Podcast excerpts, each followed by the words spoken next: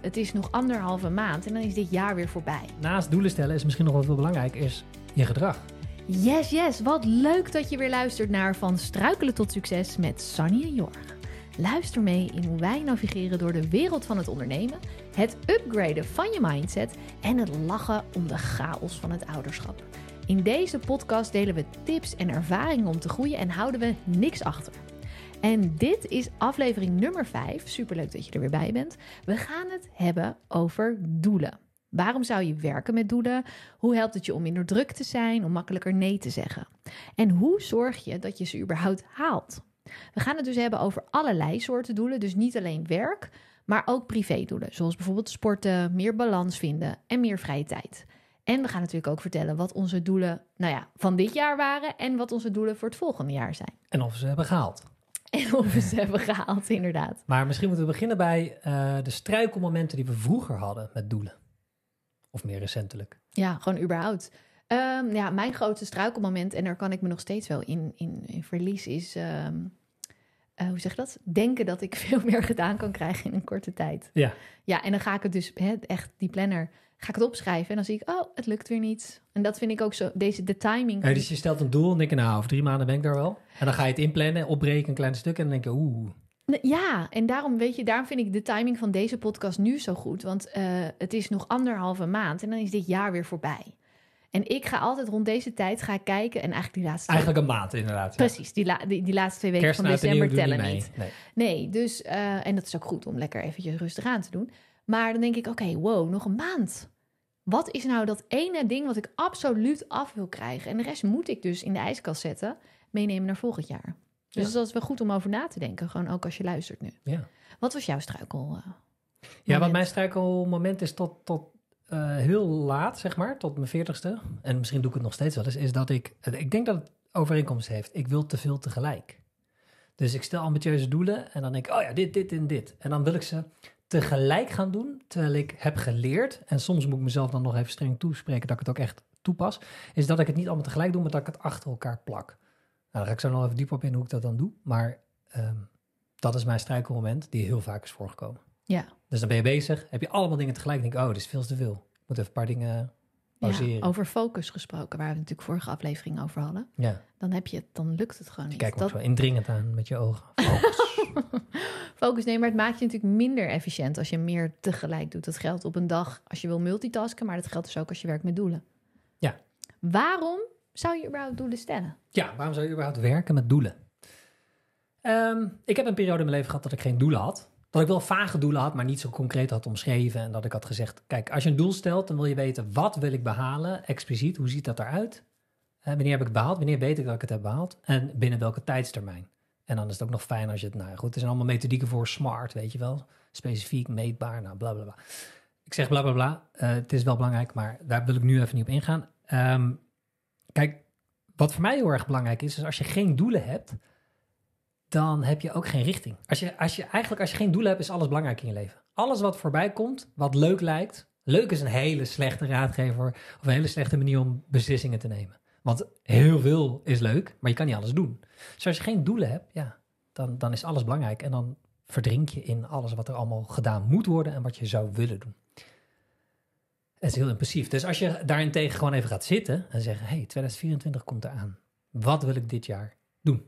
En is het dan voor jou één doel of zijn het er meerdere? Want ik heb, voor mij is het wel, mijn, ik heb eigenlijk altijd al die jaren, al tien jaar, heb ik één, één groot doel. En dat is mensen helpen om vaker positief te zijn. Mensen helpen om vaker gelukkig te zijn. Hè? Om meer te beseffen dat er zoveel ja, goede momenten in de dag zijn. Ja, maar dat klinkt... Dat is een overkoepelend doel, hè? Dat is nog niet concreet. Ja, nee, dus nee, dan maak je dan weer concrete doelen van. Klopt, maar toch is dit, dit is al trouwens wel... geen doel. Dit is jouw reason of being. Dat is waar, mijn mijn stom, purpose. Dat die Engelse term. Maar Nee, gewoon, dat ja, klopt, je, ja. je purpose ook is een Engelse Ja. term. Maar gewoon de reden dat je er bent. En wat je, wat je wilt geven. Klopt, maar dat is wel iets wat voor mij ook voelt als een stip op de horizon. Zeg maar de grote stip. Ja. Ehm, en dat betekent dat ik krijg wel eens nog een aanbod voor een tv-programma. En dan denk ik, ja, leuk, ga ik doen. Eh, maar vervolgens denk ik, ja, hoe, in hoeverre draagt het dan bij aan die echte grote stip op de horizon? Ja. En dan kom ik er, hè, dat, daar help jij me natuurlijk ook bij. Dan kom je er soms toch wel achter van, hé, hey, het is vooral heel erg leuk om te doen. En, en dat mag ook. Ik mag ook, natuurlijk mag ik andere projecten doen als ik het echt heel graag wil. Ja. Maar dat betekent ook dat er minder aandacht is voor, voor het grote doel. En als je dus die doelen helder hebt, dan kun je dus makkelijker nee zeggen. En dat is een van de dingen wat de meeste mensen heel moeilijk vinden. Nee zeggen. Als je nou ondernemer bent of in loondienst, hè, als ik het even op werk heb. Als je een e-mail krijgt, hey, ik, krijg, vandaag kreeg ik weer een e-mail. Hey, wil je me helpen met dit? Ik denk, oh ja, gaaf. Het gaat over vluchtelingenwerk in Nederland. En over hoe vluchtelingen beter geïntegreerd kunnen raken en dergelijke. En denk ja, dat vind ik leuk. Maar het gaat me niet helpen bij mijn doelen. Dan kan ik alsnog een uitzondering maken. Maar nu zeg ik, ik wil dit wel doen, maar ik ga dit niet het eerste half jaar doen. Daar ga ik gewoon geen tijd voor hebben, want ik moet eerst een aantal andere dingen af hebben. Dus het maakt het makkelijker om nee te zeggen. Ik kan nu heel makkelijk replyen met, hey, ik heb een aantal doelen, die moeten eerst af zijn. En, en anders is het heel moeilijk om nee te zeggen, want het is een heel mooi project. Vinden heel veel mensen moeilijk. Daar gaan ze een heel verhaal van maken. Ja. Dan gaan mensen weer eh, eh, vragen van, maar waarom dan precies? En dan moet je weer een verhaal terugsturen. Dus dat is op werk. En dit werkt ook in loondienst. Hè? Als je doelen hebt in je werk en je baas of een collega vraagt iets wat daar buiten ligt. Soms moet je het dan alsnog doen, maar dan kun je wel mensen informeren. Hé, hey, maar dit zorgt er wel voor dat ik de doelen die ik heb minder snel ga halen. Willen we het dan nog steeds? Er is nog een ander ehm, nee zeggen, want ik heb het nu net over werk gehad, maar ik heb natuurlijk een doel volgend jaar om de Mont Blanc te beklimmen. En ehm, daarin is het ook makkelijker om nee te zeggen. Ik was laatst met jou op een Halloweenfeest. Nou, werd er gezellig geborreld. En dan zegt iemand, ja, we drinken even een biertje mee. Doe even gezellig. En eh, dat gaat meer over die persoon dan over mij. Uh, maar die voelt zich misschien ongemakkelijk dat die wel drinkt ik niet. En ik zeg, nou, ik drink niet.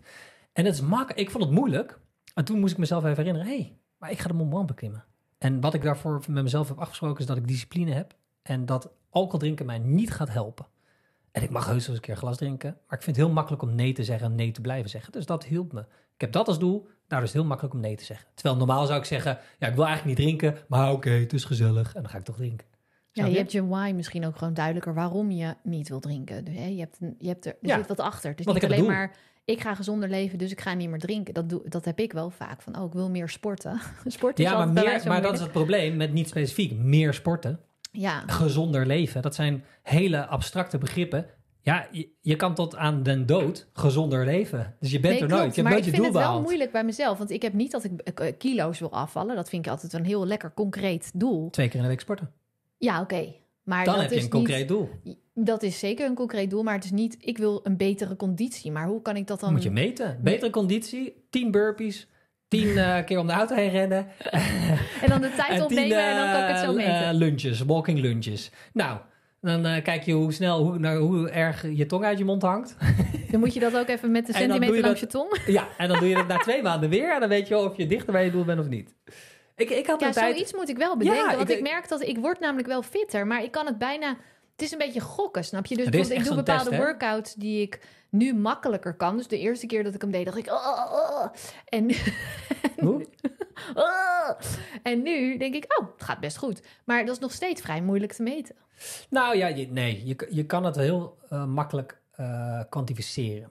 Heel veel dingen kun je makkelijker kwantificeren dan je denkt. Zelfs gevoelens kun je kwantificeren. En met kwantificeren bedoel ik het een cijfer geven, zodat het meetbaar wordt. Dus je kan Ja. 10 kilometer lopen en in plaats van dat je kijkt naar hoeveel afstand en binnen hoeveel tijd, dat is de meest makkelijke overigens, zou je ook kunnen zeggen, hoe voelde ik me? Hoe fit voelde ik me hierna? Ja, en dat je dat Dus geef je een cijfer. Ja. 1 verschrikkelijk, 10 echt super fit. Ik kan nog 10 kilometer lopen. En dan geef je jezelf een cijfer en dat doe je keer als je loopt. Dan heb je en je kilometers en je afstand, je tijd, maar ook hoe je je erbij voelt. Zo kan je het natuurlijk ook doen met positiever worden. Want ik heb een tijdje, dat was vorig jaar, zeg ik dat goed? Voor, ja, vorig jaar december ging een tijdje niet zo goed met me. Was ik echt heel erg oververmoeid. En dus ook heel erg down. En toen ben ik ook gaan opschrijven van... oké, vandaag is een 4, vandaag is een 5. Maar eh, ik dacht dat het veel slechter met me ging. En omdat ik het ging opschrijven, zag ik... oh, ik had toch best wel veel zevens. En, Dan mag en- je en eigenlijk geen 7 geven natuurlijk. Nee, maar en je maakt inzichtelijk wa- wat maakt vandaag een 7. Ja, je gaat er, nou dat is natuurlijk meer. Je gaat erover nadenken. eh, op het moment dat je denkt, wel, eh, je hebt een lekker moment. En denk je, oh wow, dit is echt, deze dag wordt daardoor echt een 9. En dan ervaar je dat ook veel meer van, oh, dit is echt, dit is dus een goed moment. Was het een doel vorig jaar voor jou om dit bij te houden? Of om, om, Nee, het nou, was wel meer om, om beter te worden. Om Dat beter te worden. Niet per se positiever, maar wel ehm, gewoon, ja, om mezelf weer uit die dip te krijgen. Ja. En dat heb je gekwantificeerd dus door cijfers te Ja. geven. Oh, Ja. cool. Hoe, Hey. hoe, kies jij, hoe kies jij doelen? Hoe stel jij doelen? Nou, wat ik net een beetje miste is, eh, want dat, eh, het uitspreken van je doelen. Dat is toch ook echt een belangrijk onderdeel, vind ik, van Ja. doelen stellen. Dat je, omdat je het heel helder Ja. hebt geformuleerd... en je mag altijd natuurlijk afwijken van je doel of een nieuw doel maken. Nou ja, goed, Nee, daar komen we zo op. Nee. nee, maar ik bedoel, als jij denkt... ah, ik wil nu toch dat vluchtelingenproject gaan aanpakken. Ja, oké, je kan andere doelen- doelen, dat Ja. kan. Ik Ja, bedoel, jij je- bent de baas daarover. Maar wat ik wil zeggen is... op het moment dat jij heel duidelijk hebt, dit is mijn doel, eh, dan is het ook dan het uitspreken ervan naar anderen. Dat, durven een- heel weinig mensen. Precies, dit is super belangrijk. Want daarmee, nou ja, ik geloof gewoon letterlijk, je zet het in je energie. Je hebt veel meer, als je een duidelijke intentie zet van, nou, dit is mijn doel. Dan ga je erover praten, krijg je ook inspiratie van andere mensen. Die zeggen, hé, hey, maar heb je daar al aan gedacht, daar al aan gedacht? Dus het gaat ook nog eens een keer eh, sneller werken, omdat je gewoon inspiratie krijgt om je doel te halen. Ehm, maar je maakt ook een afspraak met jezelf. En ik dat. Maar dit is dus. Wij gaan het ook zo nog hebben over dat wij hele ambitieuze doelen stellen. En dat maakt het dus nog spannender voor mensen om zich uit te spreken als ze een ambitieus doel hebben. Maar als je dit durft, inderdaad, dan zet je het inderdaad neer. Je krijgt inspiratie en mensen gaan je helpen. De meerderheid niet. De meerderheid heeft commentaar op je doel. Accepteer dat, dat hoort erbij. Maar de minderheid Ja. gaat je helpen. Heb je ook Ja. wel eens gehad, toch?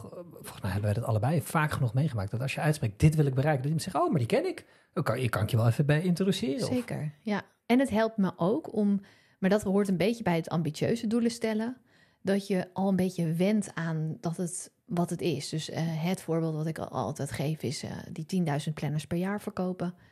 Dat was op een dag was dat echt belachelijk en kon ik echt niet Een geloven. belachelijk getal. Een belachelijke hoeveelheid. Ja. Jeetje. En ik zeg je eerlijk, het is echt niet makkelijk om 10.000 planners per jaar te verkopen, want dat is laat. Nou, dan pak ik hem er even bij. Maar, voor, maar even, voor de mensen die luisteren, vertel eens, je hebt even heel kort. Oké. Eh, ja, onze klanten kennen dit verhaal natuurlijk, maar heel veel andere mensen niet. Oké, ik wilde 10.000 planners, was mijn doel. 10.000 planners in een jaar verkopen. Toen je drie jaar geleden begon Toen met ik je eigen begon planner. voor het eerst en niemand dat ding kende. En ehm, ik lachte mezelf oprecht uit van hahaha, wat denk je nou? Want je bent al een bestseller na als je 2000 boeken hebt verkocht. In Nederland. In Nederland, ja. Ehm, maar ik dacht, nee, ik hou ervan. Ik ga dit doen. Ik heb het op een briefje geschreven. Ik heb het op kantoor gehangen. En ik keek letterlijk vanaf mijn bureau naar dat briefje op het prikbord. En iedereen op kantoor, die kon dat zien. Eh, en ehm, die gingen er dan ook opmerkingen over maken van... oh, is dat je doel? En dan zei ik, ja, ja, ja. Weet je, een beetje zo beschamend van... Maar elke keer, ik moest dat best wel vaak vertellen... want we deelden het kantoor met 13 mensen... En hoe vaker ik het vertelde, hoe meer ik eigenlijk dacht van ja, nou, hoe normaler het werd om erover te praten. Ik keek er letterlijk elke dag naar en dat getal werd steeds normaler. En toen heb ik dat jaar, heb ik dat ook gehaald. En ehm, nog steeds, er is gebleken dat het best wel moeilijk is om zoveel planners te, te verkopen in een jaar. Dus het was ook mijn doel voor, nou, het jaar is nog niet om, want ik begin zeg maar in juni dit jaar. Tot volgend jaar juni wil ik er ook weer 10.000 Nou, verkopen we komen er nu achter hoe, hoe, hoe moeilijk het eigenlijk is. Want Ja. we hebben er nu bijna, we hebben er nu 4000 verkocht. Wat supergoed is. Ja, maar we Maar- weten dat als we doorgaan zoals we nu doorgaan, gaan we die 10.000 niet halen. Nee, gaan Dus we niet moet voor wat juni. nee, klopt. Dan moeten we dus, dus 6000 verkopen voor juni. Gaat niet werken zo. Dus we moeten, we, weet je, we verzinnen allemaal leuke acties. Maar die zijn niet goed genoeg. Ja. Blijkt. Ja, Die is misschien goed voor de branding, dat mensen weten wat dat ding is, maar eh, niet Ja. om echt te verkopen. Dus zo Maar- ga je toch ook anders nadenken. door het uit te spreken. Dus door het uit te spreken krijg je hulp, krijg je inspiratie en dwing je jezelf ook om meer te committen, denk ik. En ga je dus ook anders nadenken als het een ambitieus doel is. Dat je, Ja, maar weet je waarom? je raakt eraan gewend en je durft er meer over te vertellen en je durft ervoor te gaan. Ik vind het een heel belangrijk punt, merk ik, omdat ik zoveel vrouwen, en ja, ik, wij coachen natuurlijk vooral vrouwen, maar zoveel mensen zie die überhaupt niet dat grote doel durven neer te zetten en al helemaal niet uit te spreken. Ja. En wat betekent dat? Dan gaan ze al, voordat ze überhaupt beginnen aan het doel, gaan ze al settelen voor les, gaan ze al genoegen nemen met minder. Ja, omdat mensen ze bang zijn zo- dat ja. ze gaan falen, falen ze liever op voorhand door meteen dat doel eigenlijk gewoon helemaal naar beneden bij te stellen. Ja. En dat is echt super zonde. Ja, mensen zijn zo bang inderdaad om, als ze een heel ambitieus doel stellen, ze denken, ja, maar straks lukt het niet. En dan inderdaad falen ze en dan nemen ze liever nu een verlies al. Ja, ze, stellen ze- ze, het ze nu alvast bij falen, of ze gaan er niet eens voor. Nee, dat weet je helemaal Nee. niet. Maar die angst om te falen is zoveel groter dan, ja, op zich zit ik nu ook wel goed en vind ik het ook nu wel prima. Dat comfortabele is belangrijker dan jezelf je nek uitsteken, ergens voor gaan en potentieel gaat het mislukken. En dan denken ze dat iedereen naar hun gaat wijzen en zeggen, haha, je hebt gefaald. Wat nooit gebeurt. Want mensen zijn voornamelijk met zichzelf bezig. Maar goed, zo beleeft het wel in onze wereld. Hier heeft iedereen Ja. last van. Ja, we hebben een diep gewortelde angst voor falen. Maar we zouden eigenlijk vaker moeten gaan kijken naar wat is dan falen. Want heel vaak is, zelfs als het mislukt, dan heb je het toch geprobeerd. En als we dat nou meer gaan omarmen, meer echt denken, oké, maar dat is ook al een vorm van succes. Dat is waarom jij het altijd hebt over ga experimenteren. Want als je experimenteert, mag het falen. Maar dan doe je het wel. Ja, en, en het is een dooddoener om te roepen... ja, we moeten meer gaan omarmen en eh, falen is leren. En iedereen knikt dan. Weet je wat een dooddoener? Iedereen knikt, ja, dat snap ik. Ja. Maar dat is op rationeel niveau. Maar op emotioneel niveau zit nog steeds die angst. Dus iedereen knikt, ja, nee, dat is ook zo. Ja, je moet gewoon proberen. En maar het is heel moeilijk om over die hobbel heen te gaan. Daar is een stuk mindset voor nodig. Want Ja. wij hebben dit ook allemaal ervaren. Met die Ja. planner heb jij het ook ervaren. Ja, je moet 10.000 bereid zijn om die, om die pijn te willen aangaan. Hoe stel jij dan doelen? We hebben, je hebt net al een aantal dingen gezegd. Hè? Als je hem helemaal hebt gesteld, spreek hem dus uit, hang je hem op. Ja, Maar hoe begin je bij het begin? Ehm, nou, eh, hoe bepaal jij waar jij dit jaar aan wil werken, Sanny? Nou, we hadden het net natuurlijk al een beetje over ambitieuze doelen stellen. Waarom ambitieuze doelen? Omdat je dan anders gaat denken. Dus als ik had gedacht, nou, ik hoop dit jaar duizend planners te verkopen, had ik, had ik een hele andere strategie gehad dan 10.000 planners. Mij helpt het, als ik een echt ambitieus doel stel, helpt het me om heel anders te gaan denken. Van, in dit geval moet je dan niet gewoon meer content maken, maar moet je collabs doen met andere, met influencers, met mensen die een groot bereik hebben. Dus dan moet je misschien een podcast starten of een of andere ludieke actie. Maar je moet groter gaan nadenken om een groter resultaat te hebben. Het daagt je uit. Ja. Ja. nee, dat is één ding. Ehm, pas nooit je doel aan als je het niet haalt of als je dreigt niet te gaan halen. Dat is ook een echte belangrijke. Want als je het niet haalt, dan moet je, of dan wil je liever je strategie aanpassen. Dus de manier om daar te komen. Want we denken heel vaak, oh, er is maar, zijn maar één of twee manieren voor. Maar als je dan echt even gaat kijken, en ik doe dat dan vaak met iemand van buitenaf of een coach of een- Weet je wel, van hoe kijk jij hier nou naar? Of als jij op mijn bedrijf mag schieten, hoe kijk je hier naar? Hoe zou jij dit aanpakken? En dan krijg ik altijd weer inspiratie om het toch op een andere manier te blijven doen. Is dit dan weer vanuit die angst dat mensen een doel gaan aanpassen? Dus ze gaan het verlagen, ze gaan dus het doel kleiner maken. Is dat vanuit die angst weer om te falen? ja, van, oh, ja. ik haal het bijna niet. Of Ja, ik heb de eerste keer niet gered. ja te dus ik snel ga, ga, dus je ik dat ga doen. maar eh, van 10.000 planners 1000 maken. Want dat Ja. red ik wel. Maar ik had iets gelezen, want we hebben ook eh, boeken erbij gehaald... die wij goed vonden over doelen stellen of die ons hebben geïnspireerd. Ik heb de 4-Hour Workweek van Tim Ferriss er even bijgelegd. Uit Dat- mijn boekenkast gepakt. Ja, we hebben hem ooit in... eh, wanneer was dat dat we hem hadden gezien spreken? Bij de Next Web 12 jaar, Conference. 12 jaar geleden. toen, daar werkte Jorg toen en toen kwam hij spreken. En toen ben ik in aanraking gekomen. Je had het al gelezen volgens mij. Met dit boek. Eh, ik vind het grappig. Het heet dus de 4-Hour Work Week. Het gaat helemaal niet over dat je een werkweek... Doe me even een beeld. Dat je een werkweek moet hebben van vier uur. Nee, het gaat erom dat je gewoon veel slimmer met je tijd omgaat. Dat je heel anders gaat denken. En wat ik heel mooi vond, wat Tim zei, wat heel erg aansluit bij, bij hoe ik hierin sta. Constante serieuze focus op het bereiken van doelen kan leiden tot uitputting en minder effectiviteit. Daarom raadt hij aan om ook de kleine momenten te waarderen. Dus meer geluk, meer waardering. Ik schrijf dat altijd op in mijn, in mijn planner. Maar hij eh, heeft het over de jar of awesome. Superleuk idee. Eh, dat is gewoon een, een, een jampotje met eh, klein... Elke keer als hij een geluksmomentje heeft beleefd... dan doet hij dat in dat potje. Schrijft hij het op, doet hij het in het potje. En dan kan hij dus ook op mindere dagen kan hij dat eruit halen. Vet. En dat is natuurlijk heel erg motiverend. Dus dat je dat grote doel wel houdt... maar dat je de tussenstapjes, de kleine succesjes... echt heel bewust viert. En dus niet dat gevoel van falen hebt, maar het gevoel van succes. Ja, en, en volgens mij trekt hij het dan nog breder, toch? Van, hij gooit alle geluksmomenten erin. Waarbij je ook een beetje kan relativeren van... ja, ik heb dat grote ambitieuze doel... en ik ben daar dit jaar heel hard voor aan het werk. Maar het is niet het enige in mijn In leven. mijn leven, ja, dat is een goede Ja. ja. side note. Ja. ja, ik vind dat een hele goede. Ik, ik heb dat vaak met de DM's die ik dan screenshot, die echt bijdragen aan mijn purpose. Hè? Oh, ja. Dus mensen helpen. En dat, dat is ook wel iets lastiger kwantificeerbaar. Maar doordat ik dan die DM's in een mapje heb op mijn telefoon, ja, daar, daar ga ik dan wel eens even doorheen. Dat eh, vind ik wel leuk. Ja, Dat is mijn, ook mijn jar of doen. happiness of awesomeness. Ja, hoe stel jij doelen? Ehm, ja, ik werk. Ik had het net al verteld, hè, ik werk- werk niet aan te veel tegelijk. Dus ik stel wel doelen voor een jaar. En dan ga ik kijken, oké, wat is het eerste doel wat ik wil aanpakken? En dan mag ik eigenlijk alleen aan doel 1 werken. En als ik dan bezig ben en ik merk, ik heb nog tijd over, dan mag ik van mezelf doel 2 starten. Of een kleiner doel. Het hoeft niet gelijk nummer 2 te zijn qua prioriteit of grootheid. Maar iets wat erbij past. Maar zodra ik merk dat doel 1 eronder leidt, stop ik met doel 2 en focus ik weer op doel 1. En dit is een methode die ik echt heb moeten leren, omdat ik anders echt niet vooruit kom. Nee. Dus ik, in plaats van vijf doelen opschrijven, nou, ik schrijf er eigenlijk altijd drie op, kom ik zo even op. Ik heb de, de drie methode. De big three. Ja, de big three. Dus ik heb drie grote doelen in een jaar. In plaats van dat ik ze alle drie tegelijk start, zeg ik nee, ik begin er één. En ehm, mijn grote fout vroeger was dus alle drie tegelijk starten en niks afmaken. En nu zeg ik, ik start met één. Pas als het af is, mag ik naar nummer twee. Dus de big three method, dat is wat ik hanteer. Drie grote doelen per jaar. En dan deel ik het op in van die drie grote doelen. Oké, wat kan ik dan doen per kwartaal? Dus de drie grote dingen per kwartaal om aan het doel te komen. En ehm, ja, dan kun je ook nog per maand per dag, per week. Dus je kan helemaal gaan drillen. Ik ga meestal van kwartaal gelijk naar week. Ehm, ja, en eigenlijk laatste is net zo belangrijk eigenlijk als doelen stellen. Want eigenlijk kan iedereen wel doelen stellen. Maar misschien is dat niet eens de kunst. Eh, dat is een van mijn favoriete boeken van James Clear, Atomic Habits. Ehm, hij zegt, ja, naast doelen stellen is misschien nog wel veel belangrijk, is je gedrag. Hoe ga je er komen? Wat ga je doen om die doelen te halen? En een shortcut om daar te komen, want je doel, als je je doel hebt, dan heb je je stip op de horizon, zoals jij dat altijd mooi zegt. Dat vind je ook altijd heel belangrijk. Jij bent, jij bent altijd bezig met die stip op de horizon. Mhm. Zoals je weet ben ik op de goede weg. En je systeem, dus je manier van werken, is hoe je er gaat komen.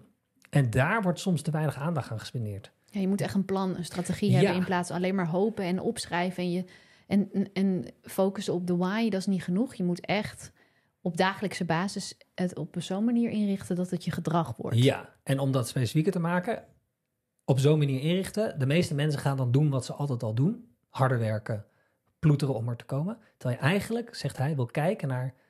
Ja, maar als ik dat doel heb, wat voor identiteit moet daarbij passen? Dus ik heb, laat ik de Mont Blanc nemen als doel. Ik ga 1 juni ga ik de Mont Blanc, de top van de Mont Blanc beklimmen.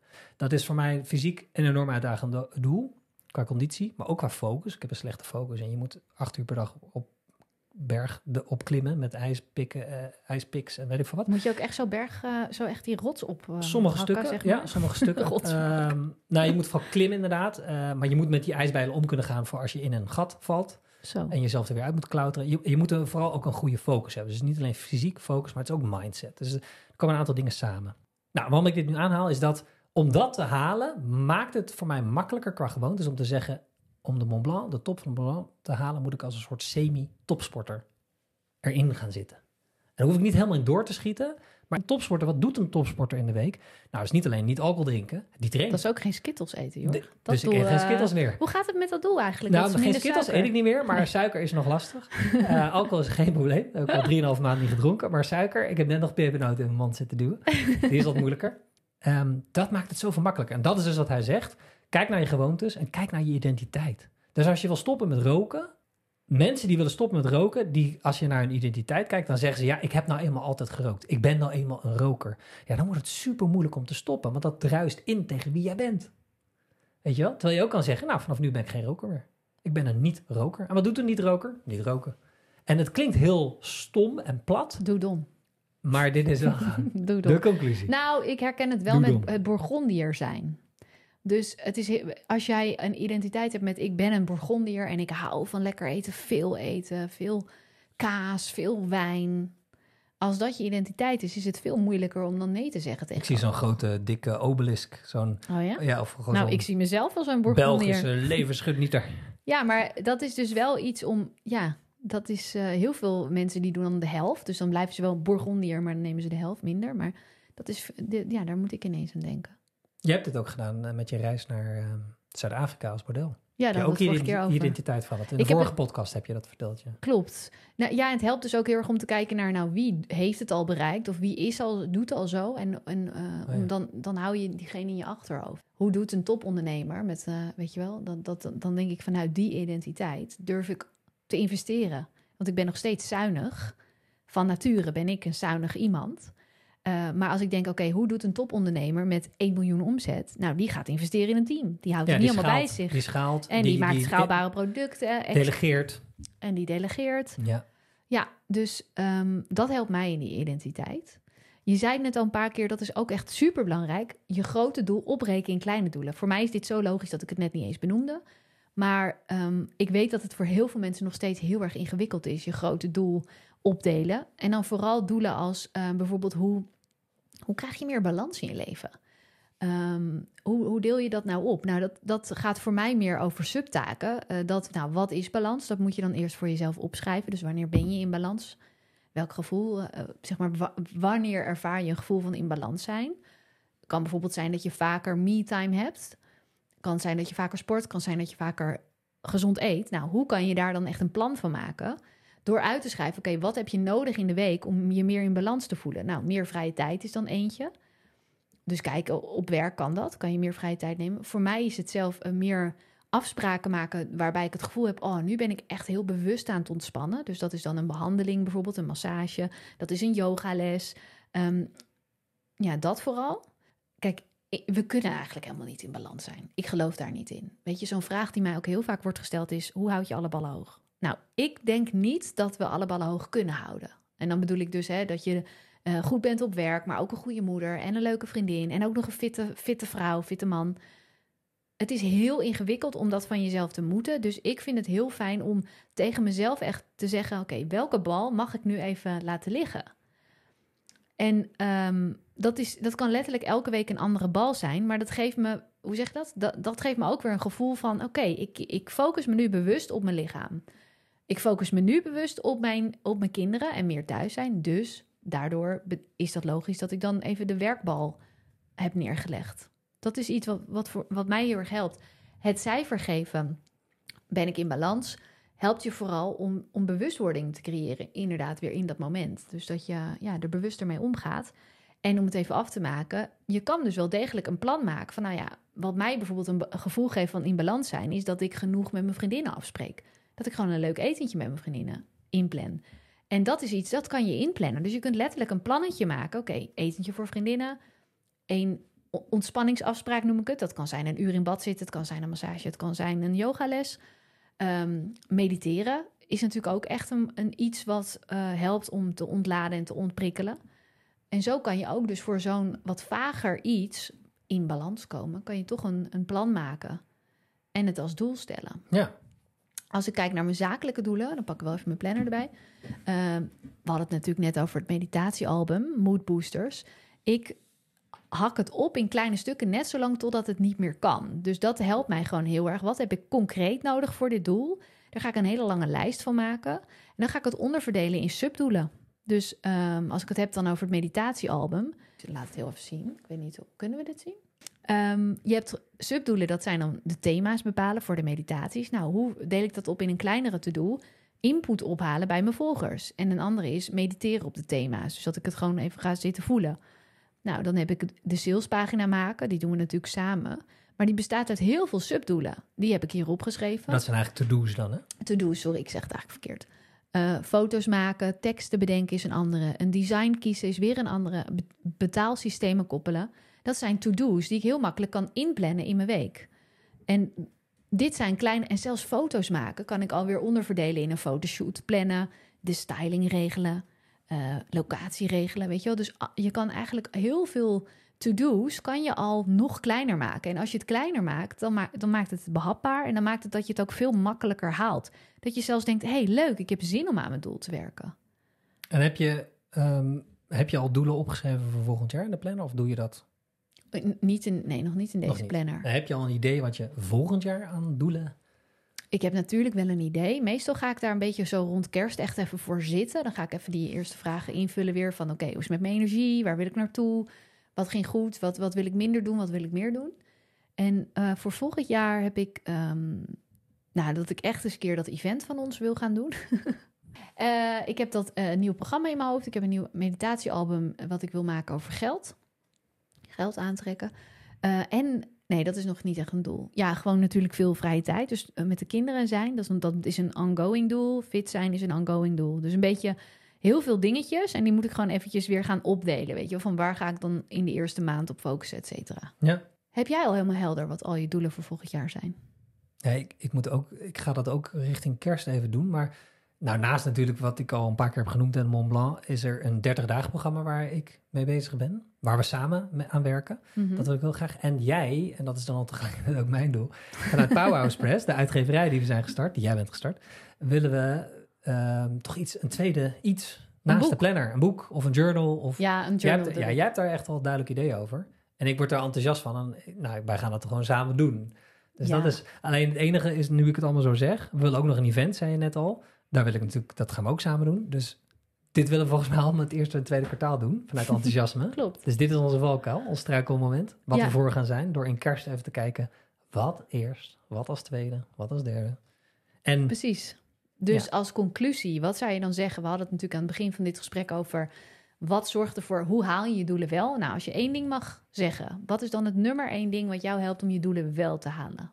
nou, één ding wat ik nog niet heb gezegd... wat eigenlijk stiekem nu mijn nummer één is geworden... en daar heb ik vorige podcast eigenlijk een grappige uitdrukking van gemaakt... is doe dom. En grappig, je hebt hier ook een boek liggen van Greg McCune, McCune Effortless. Die ga jij nog verder lezen en ik ben er in de helft in gestopt, omdat ik het, de essentie heel erg heb. Hij zegt, dat is mijn versie van Doe Dom. Hij zegt, nou, er komen heel veel mensen, hij geeft als voorbeeld, er komen heel veel mensen naar me toe die willen een boek schrijven.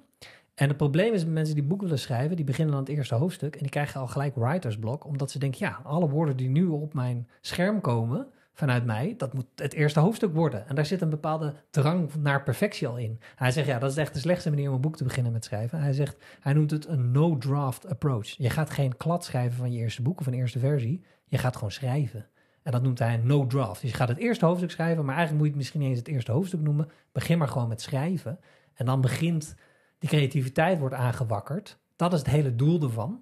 En dan ja, begin je vanzelf te schrijven en dan wordt het steeds beter. En dat is doe-dom. Dus in plaats van tegen jezelf zeggen, ik wil een boek schrijven, nu ga ik even zitten om het eerste hoofdstuk te schrijven. Ja, zo werkt het helemaal niet. Misschien schrijf je wel hoofdstuk 15. En je moet ergens beginnen. Je, je brein moet op gang komen. Oh, ja. Dus dat is doe-dom. En dat is denk ik wel bij alles. Met het 30-dagen-programma is het gewoon doe-dom. Begin maar gewoon op te schrijven wat, wat voor vette dingen jij vindt. Die, jou heel erg, die mij heel erg hebben geholpen qua mindset in de afgelopen tien jaar. Dat ga ik allemaal op een post-it schrijven. En dan pas ga kijken, kun je, ja, wat is dit de, de structuur van het programma? Dat zeg ik. Maar als ik gelijk ga zeggen, tegen mezelf, een 30 dagen programma. Wat gaan we dan dag 1 vertellen? Ja, dan zit ik gelijk helemaal vast. Dan denk je, uh, ja, zo werkt dat niet. Dus je moet het heel, je moet het simpel maken en jezelf uh, ja, dommer voor jezelf maken, zodat je brein niet helemaal weer die perfectie op gaat zoeken. Nice. Ja, leuk. Leuk om mee af te sluiten. Doedel. Goed, gaan we toch weer doedom zeggen. Nou, we zijn er. Dames en heren, dankjewel voor het luisteren. Sonny is heeft nu ook een einde. soort uh, Ik heb een writersblok. writersblok, een speaking blog. Speaking blog. Ehm, mocht je dit geluisterd helemaal, helemaal tot hier zijn gekomen, laat ons even weten wat je van deze podcast vindt. Ja, je kan op Spotify ook een comment achterlaten. Ja, we hebben altijd een poll of een vraag. Wat vond je van deze podcast? En als je dit op YouTube hebt bekeken, dan uh, laat even een comment achter. Of een duimpje. Ja. En als je Ja. inspiratie hebt, zelf, van waar wij het de volgende keer over moeten hebben, dan ben je Oh ja, dat is inspiratie. leuk. Ja. Zou dat heel erg leuk vinden. Want we hebben het natuurlijk over werk, over relaties, over ouderschap, over van alles en nog wat. Wij hebben een hele lijst, maar eigenlijk vind ik het stiekem veel leuker om de dingen te doen die jullie aan ons vragen. Goeie. Dankjewel en tot volgende week. Ciao!